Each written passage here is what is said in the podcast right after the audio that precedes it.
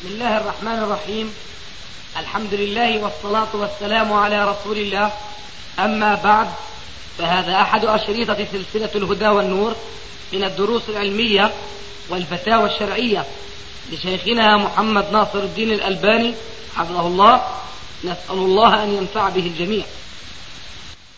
والآن مع الشريط 87 على واحد.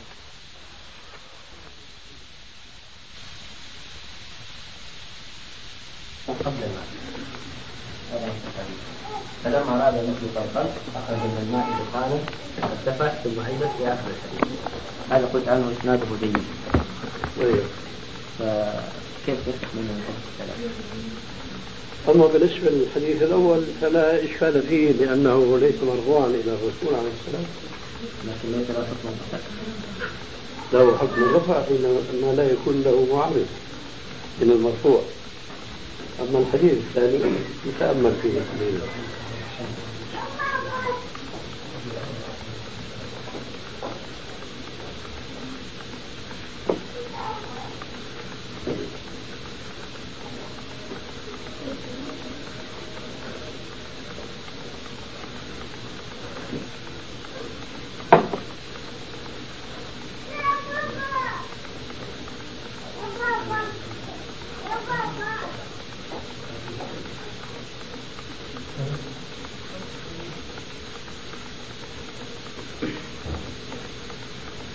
هذا ليس أين الرفع؟ من الذي قال؟ ناس من أصحاب النبي صلى الله عليه وسلم في قوله كذا قال. هؤلاء الناس. وكلمة قال كان أولى نقول قال. ما ندري. كان الأولى كذا هذا بحث ثاني لكن مشان تحرير المسألة يجب الرجوع إلى تفسير الطبري والبيهقي في الصفات صفحة 36 ثم ابن خزيمة صفحة كذا. لا تفاعل تحت آه. فإن كان ذلك إن كان إن كان موقوفا فالرد هو نفس نفس إن الجواب. كان مرفوعا. إن كان مرفوعا حين ذاك يقدم الصح الأصح على الصحيح. في موعد السابع مع الجماعة وتخلص شغل معهم آه طيب. مع السلامة يا مان الله. عليكم السلام ورحمة الله وبركاته. مقدم الصحيح الأصح على الصحيح طيب آه، مسألة متعلقة ومتفرعة من هذه نعم. مسألة التسلسل يا شيخ حديث عمران بن حصين المعروف. نعم. الحديث ورد كما سأل في البخاري إن كان الله ولم يكن قبله.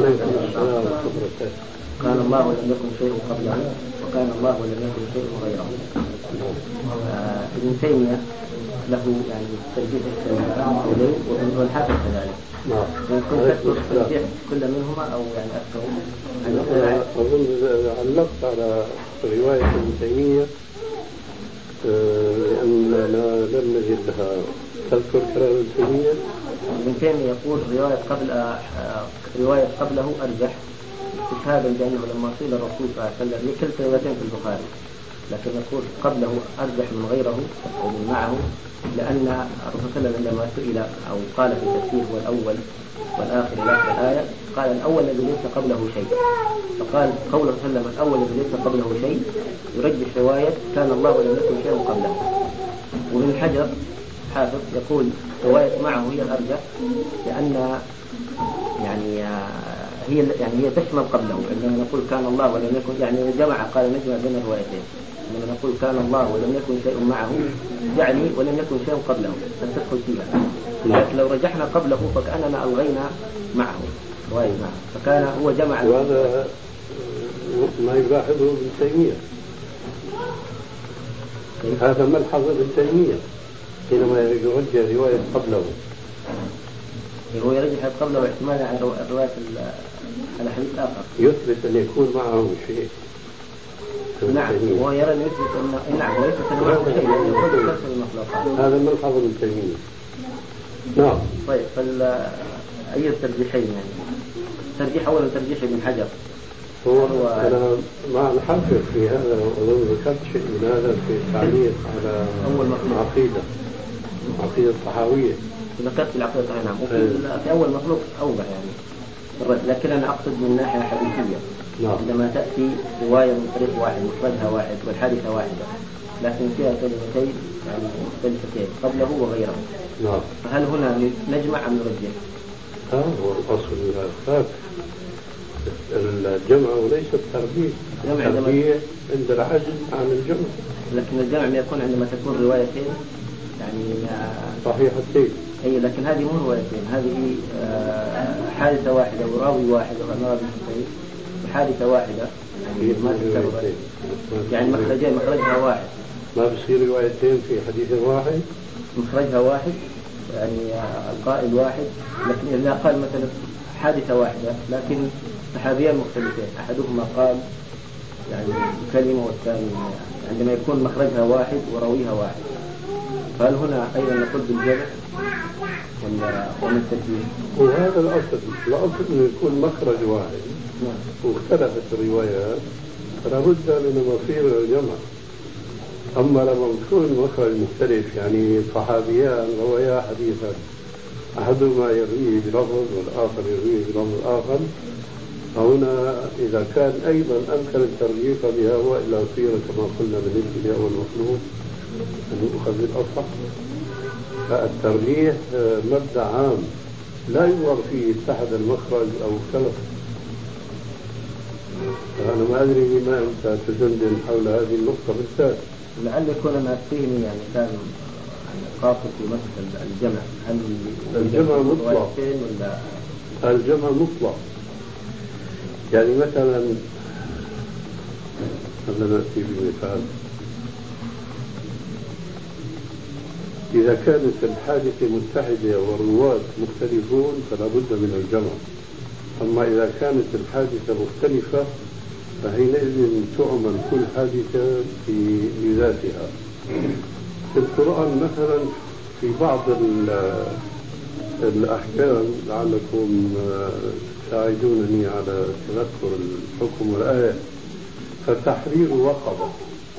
في مكان آخر فتحرير رقبة مؤمنة فلو اتحد هذا التحرير في حكم واحد فيؤخذ بالزيادة التي جاءت وهي مؤمنة أما إذا اختلف الحكم فيعمل بالمطلق في.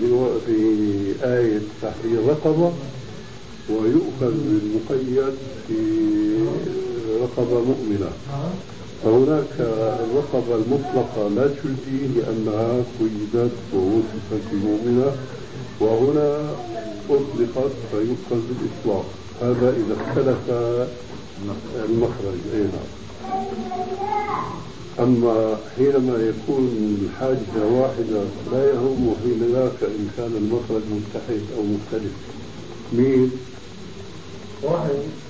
سؤال إذا الناس تقول ب- بقول الحافظ. إيه نعم. الجمع باثنين أولى. وهذا ما قلته نعم. طب هذا السند والمسألة نفسها. تفضل. آه، حدثنا خلاد بن مسلم هذا المسلم الجليل في أيوه. يقول حدثنا خلاد بن أسلم. قال أخبرنا النضر بن شميل قال أخبرنا المسعودي. من هناك كلها عن طريق الاعمش ثلاث البخاري. قال أخبرنا المسعودي. قال أخبرنا جابر بن شداد عن صفوان بن محرم. عن عن صفوان بن صفوان نعم. ففي هذه الرواية يعني كان الله ولم يكن شيء معه. أيوه. فتلك كلها مخرجها الأعمش يعني أو عن طريق الأعمش عن جامع عن صفوان إلا هذه عن المسعودي. وقبل المسعودي رواه عنه النضر بن شميل وعن النضر رواه خلاد بن أسلم. نعم. ما رأيك في إيه؟ أوه. السلام عليكم. الله يحييكم. الله يبارك فيك. ويتقبل منا ومنكم صالح الأعمال. لا طيب. لا بد بارك الله فيك. ثم تعلم السفر قطعة من العذاب. ونسأل الله عز وجل أن يأجرنا على ما يصيبنا من متاعب ومصائب في سبيله عز وجل كيف صحتك؟ نعم السؤال عن هذا السند آه، ما هو آه، أخيرا؟ قلنا إنه تلك الروايات عن الأعمش وفيها قبله وغيره. يعني هو فلما رجعنا للسند أيوه. وجدنا أن هذا هذا السند فيما اطلعنا عليه الوحيد الذي عن طريق السعودي ولكن فيها معه. حتى يعني نشوف هل هذا ممكن يرجح رواية معه على هذا السند بلا شك يستشهد به لكن لا يحتج به لأن المسؤول هذا كان اختلط. نعم. تأكدنا من الاختلاط أنه اختلط في بغداد يعني في بغداد وناس البصريين عنهم صحيحة قبله بصريون. النضر وخلاد كان اختلاطه قبل أن يموت بسنتين وكان في بغداد وذكر البغدادي وغير رواة البصريين عنه صحيحة نعم. وكان النضر من البصريين وكذلك خلاد يعني يعني هذه الرواية روى عنه في حالة الاختلاط لا إذا قالوا كذا أنه اختلط قبل أن يموت بسنتين هذا الراوي في أي حال روى عنه؟ قالوا رواة البصريين عنه صحيح. إيه هذا بصري وهذا بصري. هو بصري. النظر بن حميد لأنه قال مثل القول وهذا لا لا لا لا لا أنا لا أستحضر هذا التفصيل الذي يتفضل به؟ فإذا كان كذلك فإذا كان كذلك. فيكون السند صحيح فإذا كان صحيحا هل نقول هذه الرواية ترجح إذا معه؟ لأن هناك مخرجها الأعمش. هنا مخرجها الأول. طريق الأعمش وطريق المسعود الحافظ بن حجر لما رجح ذلك بناء على ماذا؟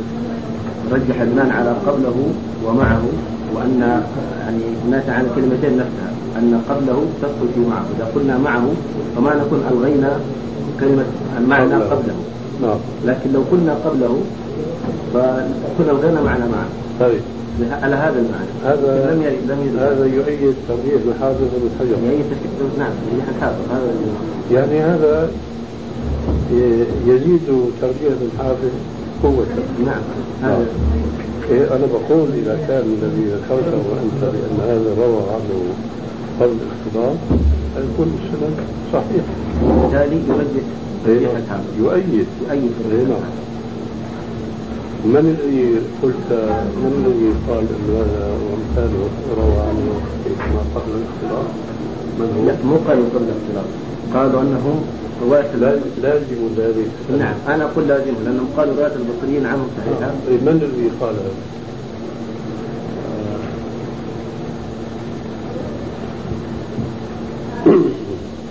مش مهم يعني ما لكن ما تذكر لكن ربما يعني الذي في التهريج يعني يذكر أظن هذا. في اسمه في القدر اللي ذكره. خزعي نعم. أظن القدري القدري تقريبا كمان. على كل حال هذا لا. يكون أيضا يعني غالب الحافظ كذلك.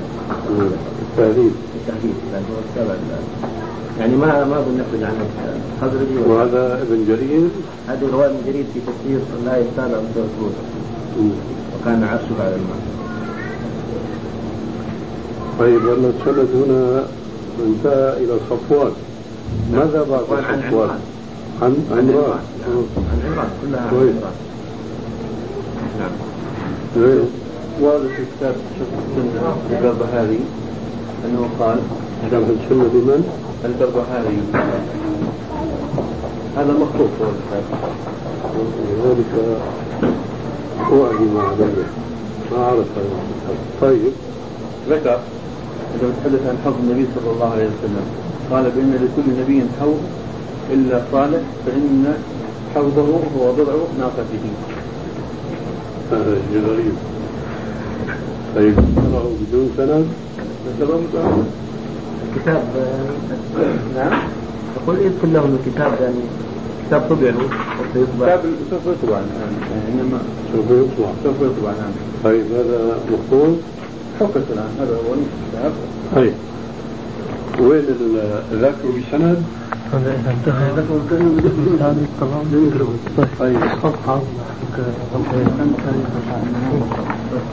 طيب شوي هو ال- البربهاء هذا أظن هذا متكلم فيه. أبي محمد الحسن. هو من يعني صفات حنبلي هو. قرن الرا- كم الرابع في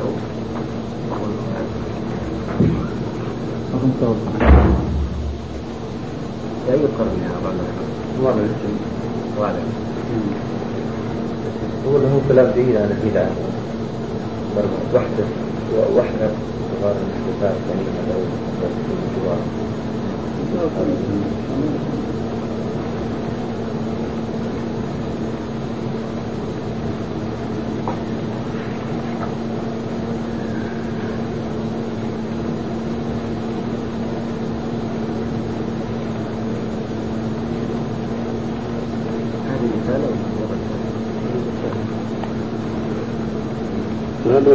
ذهني انه هذا نتكلم فيه من حيث علوي في الصفات. هل هو كذلك؟ البربهاري هذا. عندما تحدث عنه المحقق آه، أتى بأقوال الأئمة بأنه يثنون عليه وكان يعتبر هو إمام أهل السنة في عصره ويثنى عليه من حيث أنه كان يحارب المبتدعة. أيوه. وكان يتمسك في السنة وفي العقيدة السلفية الصحيحة لكن في كثير من أمثال هؤلاء غلو وتطلب مثلا كابن بطة الحنبلي. نعم. صاحب الإبانة فهو على هذا النمط. لكن هو يروي في إبانته ما خط ودم من الأحاديث حتى ما كان منها متعلقا بالصفات. فهذه نقطة مهمة جدا. ليس كل من يكتب في الصفات يكون متحققا فيما يذكر من الروايات. وعلى كل حال نعم. هذا الاستثناء المذكور في هذه الفقرة لأول مرة سمعت به. نعم. وما أظنه يصح في أحاديث الحوض المتواترة. نعم. وفي كتاب السنة لابن أبي عاصم طائفة كبيرة من الأحاديث الواردة في الحوض وليس فيها مثل هذا الاستثناء. فهو أقل ما يقال فيه إنه غريب وينبغي التوقف آه، عن البت آه، أو الجزم به. فيأتي من طريق تقوم الحجة طيب. على ذكر ابن بطة كتاب لبان الصغرى على ذكر التصوف المعطي.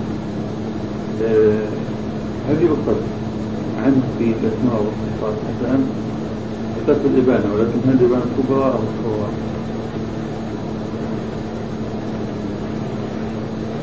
ما صحيح الجواب الآن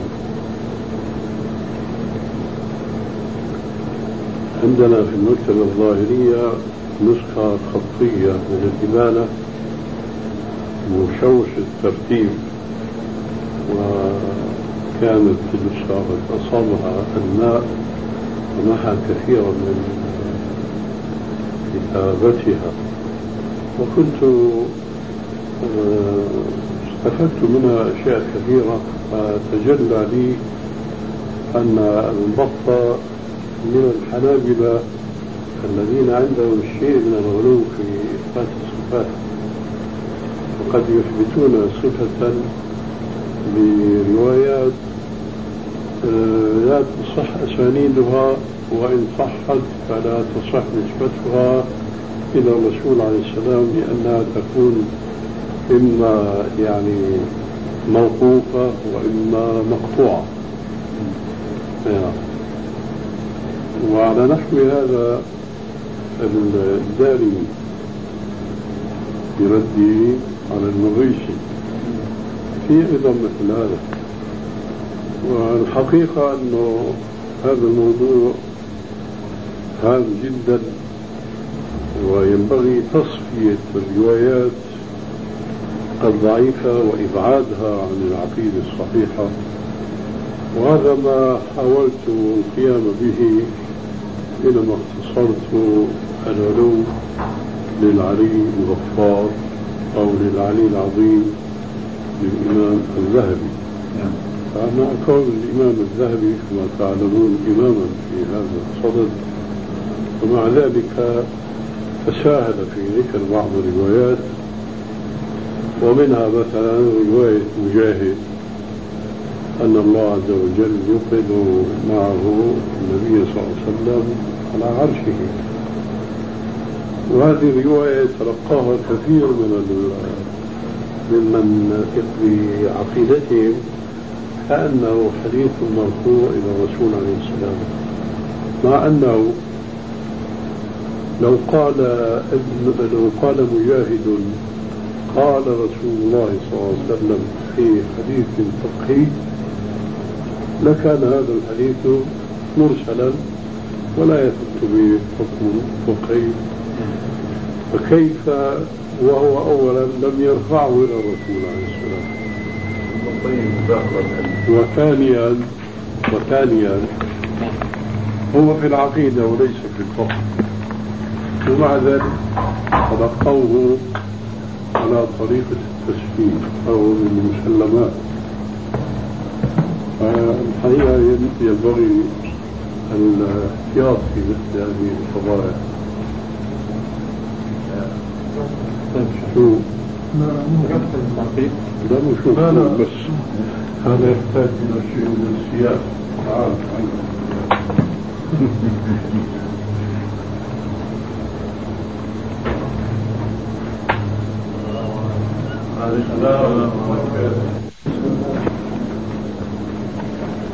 يا الله نحن معكم على الموعد. الله يبارك. إن شاء الله. لكن لكن باقي لموعد إخواننا عشر دقائق. خمس دقائق تقريبا. نعم. على ذكر كتابين السنة وكتاب الدائمة. نعم. بس سؤالين يعني اختصار يريد الجواب. كتاب السنة ما أكمل تحديد اي نعم. وهل هذا يعني سيستمر أخرى بتكون تحديد أو لماذا يعني؟ لا هذا قضية إنه سنتمم التقليد هذا في علم الغيب. يعني ما هو موجود الآن. نعم نعم. هل نتفرغ لإتمامه أم لا؟ فهذا في علم الغيب. أما لماذا ذلك؟ فلأنني كنت قد كلفت من الأخذ به لتخريج هذا الكتاب. فلما طال الأمد لأنه أنا في عندي طبعا انشغال أخرى. لما طال الأمد يبدو أنه قد آه، آه، سنى له من ألح عليه باتباع الكتاب من أهل السنة. ولذلك أخذ الكتاب قبل أن يتم التخريج وطبعا كما ترون أما هل سنعود فالله أعلم. هذا للمستقبل. كتاب الدارمي مكتوب عليه اسمك مع ما فيه تخريج. هذه أعمال تجارية مع الأسف. وبهذه المناسبة لقد رأينا ما هو أعجب من ذلك. نشيد الكتاب لعلكم يعني تذكرون. رأيت كتابا نسب إلى ابن قدامة الحنبلي وهو ليس له. وت- وتقصدوا ذلك من أجل ترويج الكتاب في البلاد السعودية الآن الناشرون عندهم طرق في التجارة بالكتب عجيبة جدا. يستغلون أسماء بعض المشهورين في سبيل نشر الكتاب. ولو أن ينسب الكتاب لغير مؤلفين. فهذا سهل بالنسبة لذاك مع الأسف. نعم. كتاب ذمة التصوف تحته؟ لما التصوف. نعم. لما التصوف منه. هو اللي أنت تتكلم عنه تقول ذكروني به. في كتيب اسمه ذم هذا التصوف؟ مكتوب؟ لما خطوه إيه. مكتوب الكتاب تحتيه الشاوش علق عليه الشاوش بنسميه أو ابن قدامة. ابن قدامة؟ لا هو ليس طبعة زوير طباعة قرية تفضل. هل يمكن للإنسان أن يرى ربه أو يسمع صوته في المنام؟ أما أن يرى في المنام فالأمر واسع لأنه قضية أشبه ما يكون بالخيال. لأن الله كما قال عليه السلام في حديث في رواية من الروايات حديث الدجال لما وصفه عليه الصلاة والسلام قال إنه أعور وإن ربكم ليس بأعور. قال في رواية في صحيح مسلم وإن أحدكم لن يرى ربه حتى يموت. أما الرؤيا المنامية فهي رؤيا خيالية وتنسب رواية إلى الإمام أحمد بأنه رأى ربه كذا مرة والله أعلم بصحتها. أما أن يسمع الصوت هذا أمر مستحيل إلا أن يكون باب خيال أيضا. نعم حديث أتاني ربي. نعم. حديث أتاني ربي في أحسن الصورة. حديث صحيح هذا لكن هذا في المنام أيوه. في المنام آه. هو إذا يثبت الرؤية في المنام لكن هو سؤاله كان عاما لم يدخل في خصوص الرسول عليه السلام نعم هل هو خاص بالرسول؟ طبعا. خاص بالرسول آه. إذا ابن تيمية يقول ب يعني بج- بجواز هذا أن يرى الإنسان ربه في المنام بدلا من هذا الحديث وأن الإمام أحمد يعني رأى ربه في المنام أنا أجبت نحو هذا لكن أنا أختلف عما تنقله عن ابن تيمية نقول استدلال بالحديث لا يصح لأن هذا ليس فيه عموم إنما هو خصوصية للرسول عليه السلام. لكن من حيث الإمكان الخيالي الذي لا حدود له هذا أمر ممكن. نفس النقطة ولا سؤال آخر ثبت عن بعض الصحابة أنهم خاطبوا الرسول صلى الله عليه وسلم بعد وفاته. مثل قول أبو بكر صرت حيا وميتا يا رسول الله. وكلام عبد الله بن عمر. وقول فاطمة أبتاه أجاب ربا ابن عمر إيش؟ السلام عليك يا رسول الله. آه. فهل يصح فهل يصح أن يخاطب الرسول. بقول بعض الناس أو الخطباء فذاك أبي وأمي يا رسول الله بصيغة النداء. مع عدم الاعتقاد أنه يسمع من الرسول بلا شك الرواية التي ذكرتها هي ثابتة. ومثل هذا النداء من حيث الأسلوب العربي يعني سائل وجاء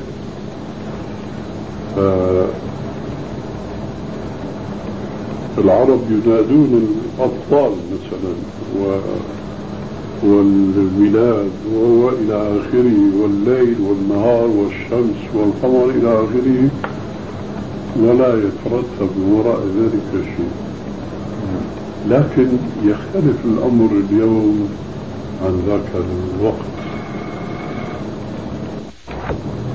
فضلا عن عامته. ولا يخافون أن هذا من الإشراف لله عز وجل في دعائه. فحينما نتساهل بمثل هذا النداء الذي كان سابقا قائما. لكن سابقا كانت العقيدة عقيدة التوحيد سالمة من أوضار وأوساخ الشرك الأصغر فضلا عن الشرك الأكبر. وليس الأمر اليوم كذلك. لهذا لا يحسن بالخطيب أن يفتح باب الإشكال هذا على عامة الناس لبعدهم عن فهمهم للتوحيد الصحيح. أنت قلت آنفا كلمة حق وهو بأن هذا الذي ينادي يعتقد أن المنادى لا يسمع. لكن ما رأيك اليوم في خاصة المسلمين وعلمائهم؟ ماذا يعتقدون في الموتى بصورة عامة وبخاصة الموتى بصورة خاصة؟ هل يعتقدون أنهم لا يسمعون؟ أنهم يسمعون أم أنهم يسمعون؟ الذي أنا أعرفه أنهم وجدنا عشرات منهم أنهم يعتقدون أن الموتى يسمعون ولهم في ذلك شبهات كثيرة. ولسنا الآن في صدد بيان ذلك. لكن لعلكم رأيتم آه، كتابا بعنوان الآيات البينات في عدم سماع الأموات عند الحنفية السادات ومقدمتي لهذا الكتاب في نحو خمسين صفحة. هناك أنا عالجت هذه المسألة بالأدلة وأثبت أن الموتى لا يسمعون. ولذلك فأنتم تعلمون أن من الحكمة أن يكلم المسلم الناس على قدر عقولهم كما جاء في صحيح البخاري من حديث علي موقوفا عليه رضي الله عنه قال كلموا الناس على قدر عقولهم أتريدون أن يكذب الله ورسوله؟ فنحن إذا نادينا وعقيدتنا سالمة. وننادي كما نادى أبو بكر وغيره من الصحابة. لكن الذين حولنا ما يفهمون أن هذا النداء ليس من باب الاستغاثة وليس من باب الاستعانة. فحينئذ ينبغي أن ندع هذا وأن نعالج عقيدة الناس حتى تستقيم على الكتاب والسنة.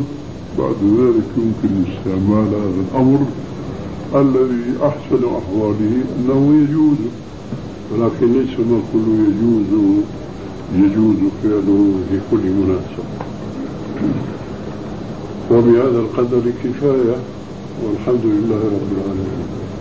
حسب متفق عليه كذلك في التليفون أخذ مننا فهمنا يا شيخ نعم. دي في المنطقة الشرقية.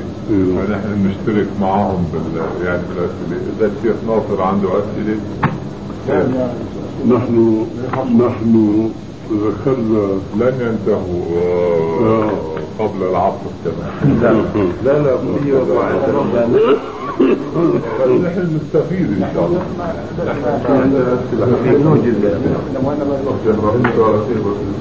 تصبر قليلا نحن ذكرنا لإخواننا أننا على موعد مع نحن جينا قبل كل شيء نريد نسلم عليك ونخبرك اننا نحبك في الله جزاك الله لكن نكرر هذه المحبه وأحبك الله ولكن نحب الإخوان الطيبين إن شاء الله جزاك من الله استقام على طاعة الله. الحمد لله وثانيا عشان ما يروح اتينا لنسلم وندعوك في دارنا. للقيمات الخفيفه الله يبارك. وكذلك الفائدة. تفيدنا وتفيد الإخوان عندنا في المنطقة في فيكم الخير والبركة. أنت تفيد الناس إن شاء الله. المستعان. ثانيا عندنا أسئلة كثيرة جدا. يتسع لنا ومنها ما هو خاص ومنها ما هو عام. آه. وما كان في بالنا أسئلة لكن لما حضرنا زادت الأسئلة عندنا الآن. آه. والعام اللي في المسلمين لا بأس به. آه. فالإخوة إذا كان عندهم أسئلة نحن كل فائده للجميع. ما نحرمهم إن شاء الله من الأسئلة. جزاك الله خير جميعا نعم. وأما نحن فقد نتربي طلبنا اول لو طلبنا ان شاء الله تعتمد تعتمد حق لنا موعد إن شاء الله. وأنا تكلمت مع الدكتور زاهر بالأمس القريب. هل جد شيء؟ يعني مساء هذا اليوم؟ مم. خلاص الله حبيبي. الليلة؟ الليلة. دي. الحمد. لله لأنه ما عندي الوقت عندي محجوز. كيف يعني الليلة متى إلا هذه الليلة. طيب يعني هذه الليلة. هو لأنه ف- بعد فهي على حسابكم. بارك الله بارك الله فيك أنت طبيب. إن شاء الله نجيب لك توقعها في سؤال يا شيخ الله. أشكر عليك. في حديث في حديث بينما نحن حول رسول الله صلى الله عليه وسلم. جاء ثلاثة نفر. آه، أما أحدهم فأقبل اثنان وأدبر الثالث فأما أحدهم فوجد فرجا فجلس ففيه الجلوس بدون الصلاة بدون صلاة ركعتين وكذلك حديث آخر في سنن النسائي وبوأ له النسائي بقوله الرخصة باب الرخصة في الجلوس في المسجد والخروج منه بغير صلاة وذكر حديث كعب بن مالك الطويل الذي فيه فأقبل رسول الله صلى الله عليه وسلم فصلى ركعتين ثم جاءه المعتذرون من المنافقين قال فأقبلت فتبسم تبسما مغضب ثم دعاني فجلست بين يديه وفيه الجلوس أيضا بدون صلاة. فهل نستطيع أن نقول بأن الذي يدخل المسجد لا لغرض الصلاة وإنما لحلقة علم أو مثلا لدعوة شخص ما أو غير ذلك هل هذا ممكن أن يخرج من العام؟ أولا ليس في كل من الحديثين خاصة الحديث الأول الذي جلس في الفرجة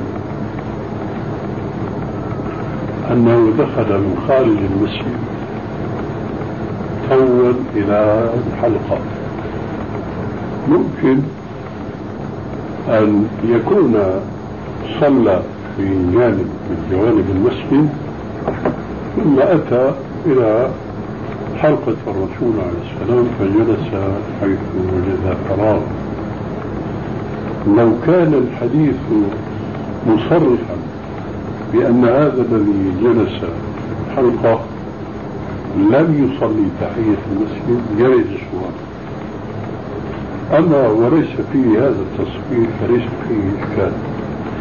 كذلك حديث آه، طلحة. ليس في هذا التصوير لكن يجاب عنه بجواب آخر وهو أن الأمور العارضة والمفاجئة لا تعالج بالنظام العام والمبدأ العام. لكن بالنسبة إلينا نحن باعتبارنا مكلفين فهنا يجب علينا أن نعمل الحديث الصريح الذي عالج مثل هذا الموقف الذي تتصوره أنت في حديثيك وهو ليس بالضروري أن يكون كذلك كما ذكرنا.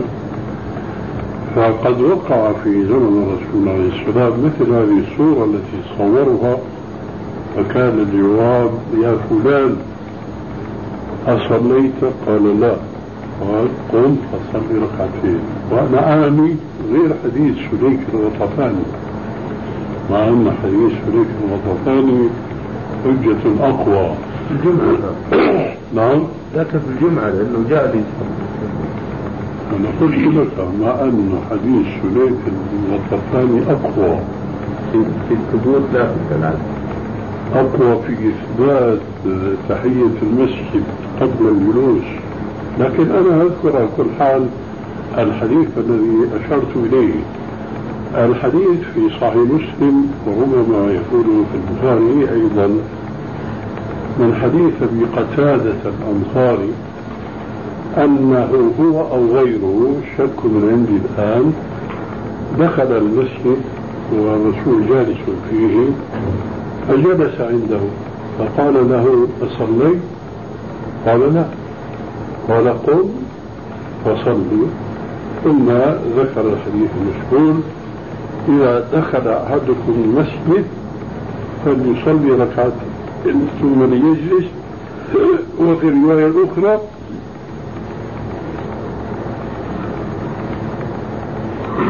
فلا يجلس حتى يصلي ركعتين. هذا حديث أبي قتادة في غير يوم الجمعة. ومن القواعد العلمية الفقهية أن الحديث الصريح الدلالة يقدم على الحديث الذي ليس صريح الدلالة. فلا يجوز إهمال العمل بحديث أبي قتادة للحديثين اللذين ذكرتهما لسببين أو أكثر أحدهما سبق الجواب عنه والآخر أنه يؤخذ من الأحكام الزايد الزايد. فيمكن نحن أن نقول لو كان كل من الحديثين اللذين ذكرتهما صريح الدلالة في عدم التحية وأن الرسول أقر ذلك. فسنقول لكن هنا جاء تشريع جديد. على نحو ما كنا نتحدث أمس القريب حول حديث مسيء صلاته. أنه ممكن أن تجد أحكام جديدة. فهنا حديث أبي قتادة صريح في هذا الموضوع. جلس فأمره أن لا يجلس إلا بعد التحية. قلت آنفا في تضاعيف كلامي بأن حديث الجمعة أقوى دلالة لماذا؟ لأنه يصور لنا اهتمام النبي صلى الله عليه وسلم بالأمر بالتحية أكثر من حديث أبي قتادة لأن كون الرسول عليه السلام في حلقة عادية في المسجد ويرى رجلا يجلس عنده فيأمره بالتحية شيء وكونه يخطب في الناس فيقطع خطبته ليعلم هذا الذي دخل وهو سليك الغطفاني فيقول له يا فلان أصليت؟ قال لا قال قم فصلي ركعتين ثم يلتفت إلى جمهور المصلين الحاضرين فيقول إذا جاء أحدكم يوم الجمعة والإمام يخطب فليصلي ركعتين وليتجوز فيهما. فهذا يؤكد أهمية تحية المسجد أكثر من حديث أبي قتادة لأننا نعلم أن النبي صلى الله عليه وسلم كان يقول إذا قلت لصاحبك يوم الجمعة أنصت والإمام يخطب فقد لغوت الأمر بالمعروف والنهي عن المنكر الذي هو واجب من الواجبات يسقط آنئذ والخطيب يخطب. فإذا كان الأمر هكذا في الأمر بالمعروف والنهي عن المنكر لكن الرسول يأمر الداخل الذي ينهاه عن الأمر بالمعروف والنهي عن المنكر يأمره لا يجلس إلا بعد أن يصلي التحية فلا يخفاكم جميعا. أن من الحكمة إن لم نقل من العلة في نهي الرسول عليه السلام أن يقول الرجل يوم الجمعة لصاحبه أنصت أن في ذلك صرفا له وللمأمور عن الإصغاء بالخطبة لا شك أن الذي يدخل في التحية أنه ينصرف أكثر وأكثر عن الإصغاء للخطبة فإن كان الأمر كذلك. ومع هذا كله قال عليه السلام قم فصل ركعتين ثم وجه الأمر العام إلى الجالسين أن يفعلوا كما أمر هذا الإنسان حينما يدخل والخطيب يخطب إذا نؤمن النص الصريح ونرجحه على النص الذي لم يصرح بعدم التحية مع تطريق احتمال أن ذاك كان قبل شرعية التحية أو قبل الأمر بها على الأقل. يسأل قضية النساء نعم. يعني الذي جعلني أنا يعني أقدم على هذا لا بارك الله فيك. نحن ما نعتب عليكم نحن نشكركم. يعني حتى لو كان السائل مخطئا هذا حتى يجوز هذا الصواب ففيه خير كثير. لي نعم. فإذا أمكن الجمع وكان يريد يقول الأخ أنه الآن هو الكلام واضح. لكن إذا أمكن الجمع ألا يقدم على الترجيح؟ يعني ليس الترجيح هنا بارك الله فيك. الترجيح هو تقديم نص على نص كنا أخوة هذا هو الجمع الذي كنا فيه. لم نكن في صدد الترجيح كنا في صدد الجمع. التحية مسكوت عنها في الحديث الأول والثاني. التحية مأمور بها في الحديث الأول والثاني. هذا جمع وليس ترجيح هو ذكر جمع آخر. وهو؟ وهو أن الأمر بمن دخل بالصلاة لمن أراد أن يدخل المسجد كي يصلي فهو مأمور أن يركع ركعتين. أما من دخل المسجد لكي يستمع إلى خطبة الجمعة من دخل المسجد لكي يستمع إلى درس فهو ليس بمأمور في الصلاة. هذا الجمع حديث أبي قتادة يرد هذا. حديث أول. لأنه دخل المسجد وجلس في حلقة الرسول نعم. وين؟ شيخ الله يبارك. إما سؤالين بس من اسمحوا نعم. تفضل. ترون في حديث في صحيح الترغيب والترهيب أن الرسول صلى الله عليه وسلم قال إن رجلا يصلي 60 عاما لا تقوى الله له الصلاة ثم الركوع ولا يتم السجود. هذه الأيام يعني كثير من الناس ما يتم الركوع ويتم السجود وينقض الصلاة. فهل حكم صلاته انها باطله في هذا الحديث؟ آه، الحقيقة المسألة مهمة. فيجب أن تصف لنا تلك الصلاة التي تسأل هل هي باطلة أم لا. وما صفتها؟ مثلا في حال الركوع لا يتم ظهره في ال- آه فهمت الآن. نعم هذه صلاة غير صحيحة. تكون صلاته باطلة. تكون صلاة باطلة. لكن مسؤولية هؤلاء الناس تقع على أهل العلم الذين يسكتون عن أخطائهم ولا يعلمونهم فيرون هؤلاء العامة ينقرون الصلاة نقرا كما فعل المسيء صلاته حيث كان لا يطمئن فأمره عليه السلام بأن يعيد الصلاة المرة الأولى والثانية والثالثة حتى تنبأ الرجل بأنه لا يحسن الصلاة فاعترف وقال يا رسول الله. إني لا أحسن غيرها فعلمني فقال له عليه السلام حديث معروف. وقد جاءت حديث صريحة في في إبطال صلاة من لا يطمئن في الركوع والسجود وما بين ذلك. فيجب تعليم هؤلاء قبل أن نؤاخذهم. نعم. مثلا لو أنا قلت اللهم إني أتوسل إليك مثلا بمحبه الشيخ ناصر اللهم إني أتوسل إليك مثلا في أعمال الشيخ ناصر الصالح يجوز هذا؟ لا ما يجوز. ما يجوز. لأن الشيخ ناصر هو فرد من أفراد الأمة. اسمح لي. اسمح لي. لكن لو قلت أتوسل إليك بحبي لمحمد صلى الله عليه وسلم هذا يجوز. لأنه مقطوع به. نعم. اللهم إني اني اتوسل إليك بأعمال الشيخ ابن تيمية ابن تيمية الصالحة. لا أحسب ولا ولا ازكي الله طيب. هل يجوز هذا التوسل؟ آه، قل لك يعني كما لو قلت أتوسل إليك يا ربي بأعمال رسول الله هكذا؟ ممكن. تقول سؤالك هكذا؟ لا لا يمكن. بالمحبة محبة تتعلق بك فيجوز لأن هذا عمل صالح. الشيء اللي أعلم وأنا فقط نعم.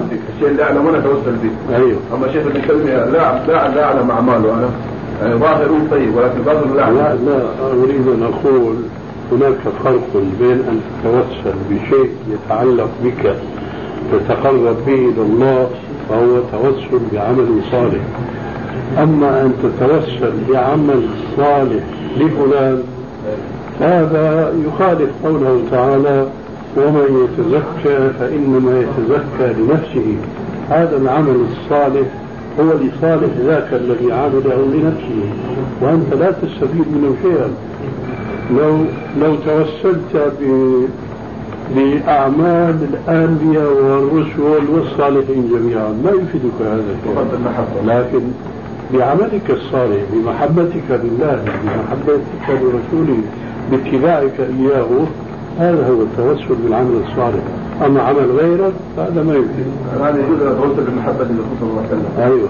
ولا يجوز أن اتوسل بمحبة الناس الصالحين سواء أحياء أو اموات إذا كانوا صالحين يجوز. لكن لا تعين شخصا لأن المسألة فيها دقة. إذا إذا أطلقت كما فعلت أخيرا فلا أهلا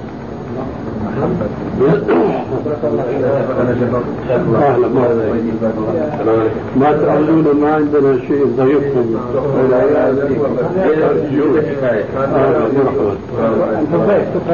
الله يبارك فيك الله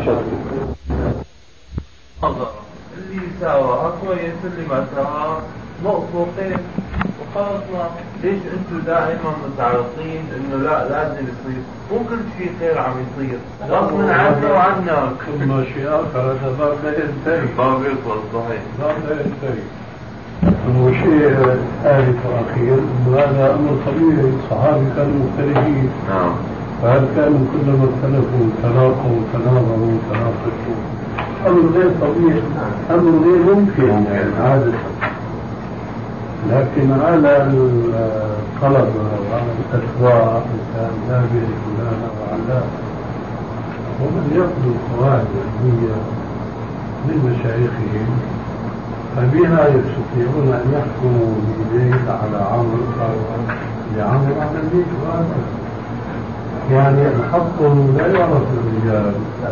تعرف الحق تعرف الرجال. من توصي الحديث؟ غيره يعني كيف؟ من توفي من المعاصرين هم في الاعتماد على تقليده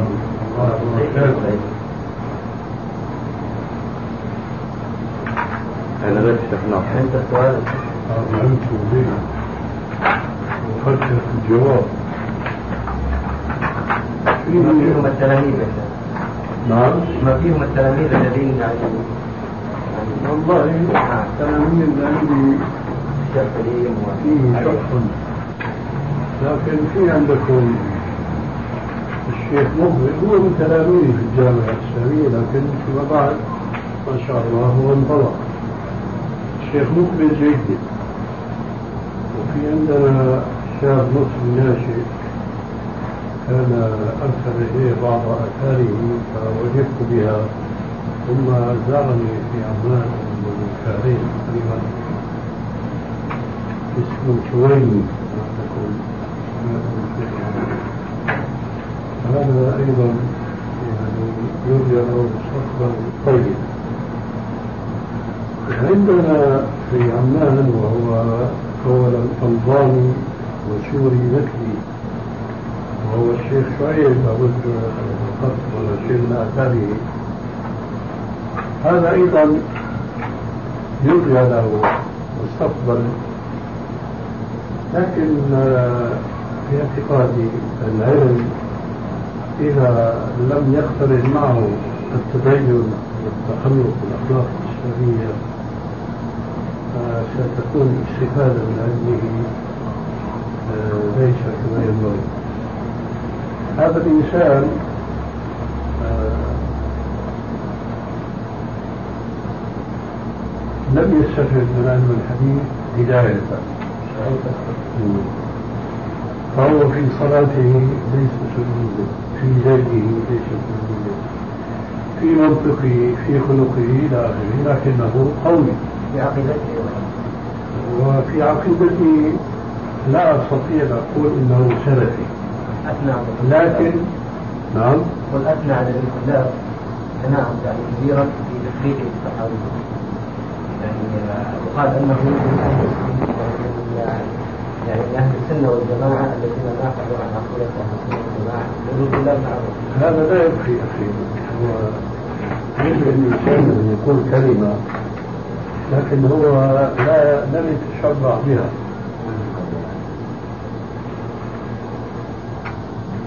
ما يعرف أحد عنه أنه سني أو سلفي. في دمشق التي عاش فيها سنين طويلة فضلا عن عمان حيث هو حديث السكن فيها. فهو كأنه يعني يكتب ما يكتب كنهلي ووظيفة الحديث لم يعني يقومه. لكن يعني من الذين يكتبون في الساعة ويخرجون وإلى حد كبير جيد.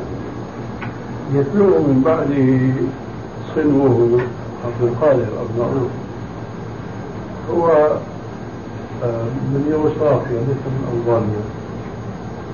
وهو دون ذلك آه، من العلم الحديث وبصورة عامة أيضا لكنه خير منه خلقا وعندنا في عمان شاب ناشئ اسمه علي حسن. آه، يرجى له أن استقام على الطريقة وثبت على البحث والتحقيق يرجى له مستقبل طيب إن شاء الله هؤلاء الذين يحضرني ذكرهم الآن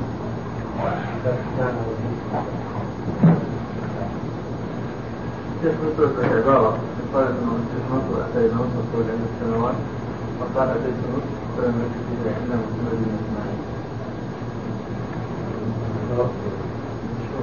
الأسر كان أحمد شاكر كان رجل عالم كان من إسماعيل وكان طالب في الجامعة وأنا لقيته في موسم الناس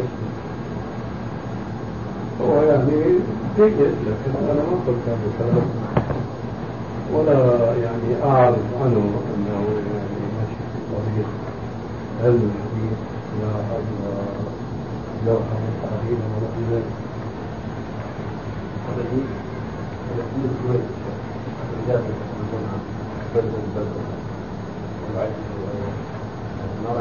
لا شيء لا شيء الشرائع يعني ما انتشرت آثاره بطريق تخريج الحديث تصنيعه ضعيفا حتى نكون عنه رأيا في أحدهم ألف كتاب في تخريج حديث السوق يعني الحديث المشهور بتاع الشعار العربي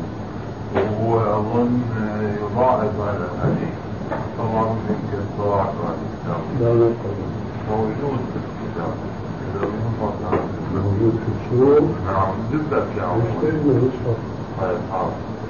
هذا الحديث الكتاب يضاعف يعني أظن كتاب يعني جزء ضخم يضاعف الحديث اللي صح طبعا طبعا كلام عن موضوع ما عندنا سؤال في موضوع شيخ بكر ابو زيد ناشئ ناشئ طلعت على الكتابة طلعت نعم ما الوجه لا من حيث الحكم أقول لا من حيث الحكم لكن من حيث منهج الرجل لأن الحكم يعني مسألة فرعية بالنسبة الرجل يغلب ويؤدب أنا هذا لا شيء لا شيء لا تستطيع تأخذ منه أحمد نفس نفس الشيء شيخ هيك الله عبد أنه صار عادي خفيفة ناقش حديث العين وأعرض ناقش الحديث ترتبط مع العين هذا عن ذلك قال سيخصص لها رسالة لكن الذي يهم الآن مناقشته للحديث من ناحية حديثية لا من ناحية فقهية ما رأيك؟ كيف تضعيفه للحديث؟ ماذا أقول أخطأ الألباني وأصابه ذلك لا لا. هذا بصير بعد أن يتبين له الحق وهيهات الحق معنا في هذه القضية ولعلك فهمت الجواب من البحث السابق فهو يتمسك بالقواعد الجامدة. هو لا يقدم إلى الألباني وإلى من دون الألباني علما لأن هذا الذي يبني عليه حكمه هو المعهود هو الجادة هو شارع الجادة. لكن الجادة لا تطلب دائما وأبدا لأنه كما قيل في علم الفقه ما من عام إلا وقد خص حتى هذا فحينما يقال إنه يقولون لنا كثير من طلاب العلم كيف أنت تصحح أو تحسن الحديث الفلاني وفيه فلان؟ وثقه بالحجبان وأنت بتقول كذا وكذا طيب أنا ما أدري أني أقول هذا. نعم. وعليكم السلام ورحمة الله وبركاته. ومغفرته رحمه الله اليكم كيف أنتم؟ طيبين؟ عافاك الله. والله كيف الوقت الآن ليس وقت الظهر قريب.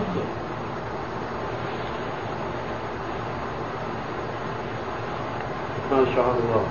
نحن لسه الآن تقريبا قديش وقت الظهر؟ سبع دقائق باقي عندنا هنا في جدة فإذا كانت الأسئلة قليلة ويتسع لها مثل هذه الدقائق القصيرة فهاته عافاك الله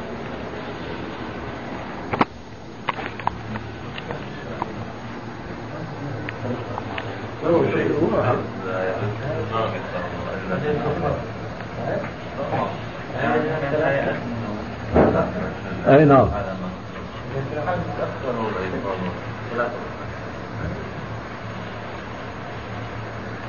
آه، اذكري قاعدة ال- العموم وجزء من أجزائه. وضح لك؟ طيب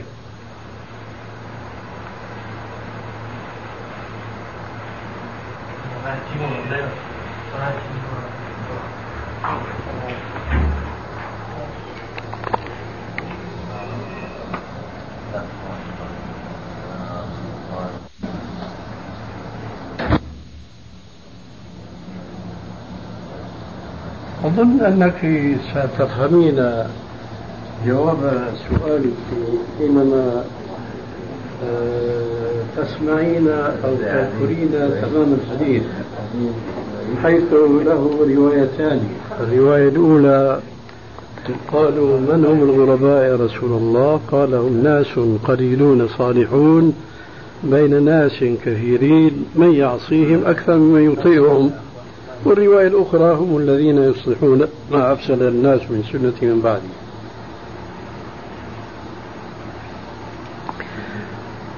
أي نعم. في ضعيف الجامع ما, ما, ما أذكر والله. ما أذكر.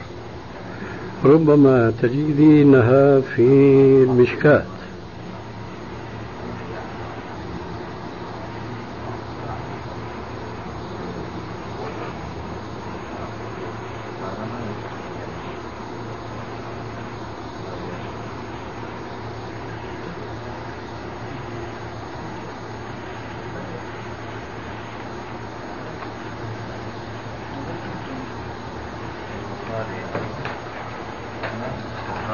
نعم أنا معي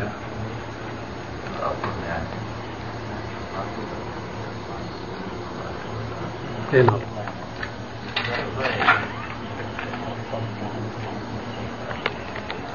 مش واضح الإشكال ما دام أنك أنت ذكرتي أنه من كان عاصيا معذب ثم يدعو بكلمة التوحيد والإيمان الباقي. الإشكال إذا كان الغني زكاة ماله رجب لك العذاب الذي جاء في الآية التي أشرت إليها. وفي الأحاديث الواردة الصحيحين. فيعذب ثم لا يخلد في النار.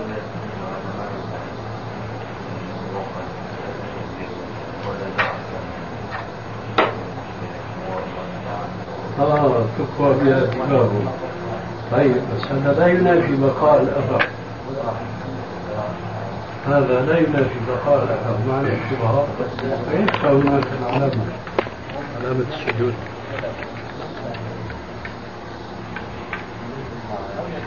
واضح؟ نعم. نعم.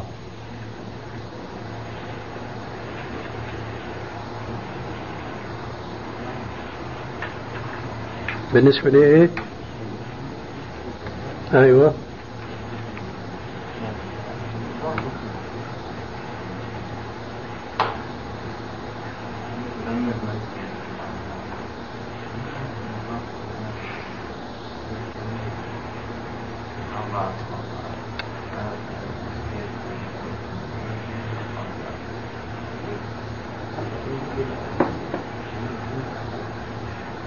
هو يقول هكذا؟